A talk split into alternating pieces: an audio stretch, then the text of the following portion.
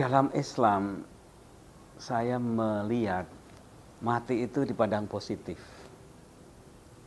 Bukan ditakuti, bukan dicaci, bukan dikutuk, tapi positif. Sampai-sampai Islam mengatakan meninggal itu pulang. Roji'un.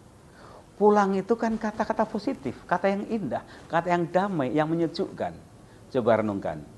Peristiwa apa yang paling menyenangkan dalam hidup ini selain pulang?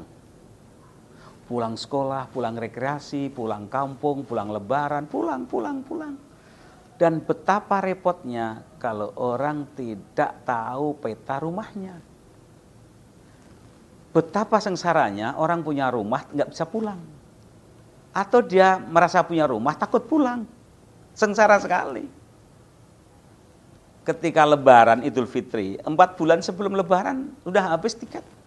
Oh, pulang dan orang-orang yang pada rekreasi ke luar negeri ke mana tidak akan tahan lama pulang ada kerinduan nah Islam mengatakan dunia ini kan tempat mampir dunia ini tempat bercocok tanam tapi nanti masing-masing kita innalillah wa inna ilaihi rajiun kita ini keluarga Allah kembali pada Allah rumah kita menyatu dengan Allah dan seorang muslim tiap hari berapa kali nyebut Allah.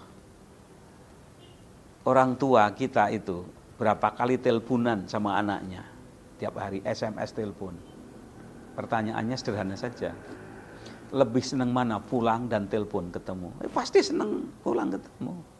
Kecuali orang yang nalarnya itu enggak lurus. Orang yang lugas bernalar, ya lebih senang ketemu daripada hanya teleponan. Nah, kalau meninggal itu adalah jalan mendekat pada Allah. Sementara tiap hari kita berdoa mohon yakin pada Allah, maka meninggal itu positif.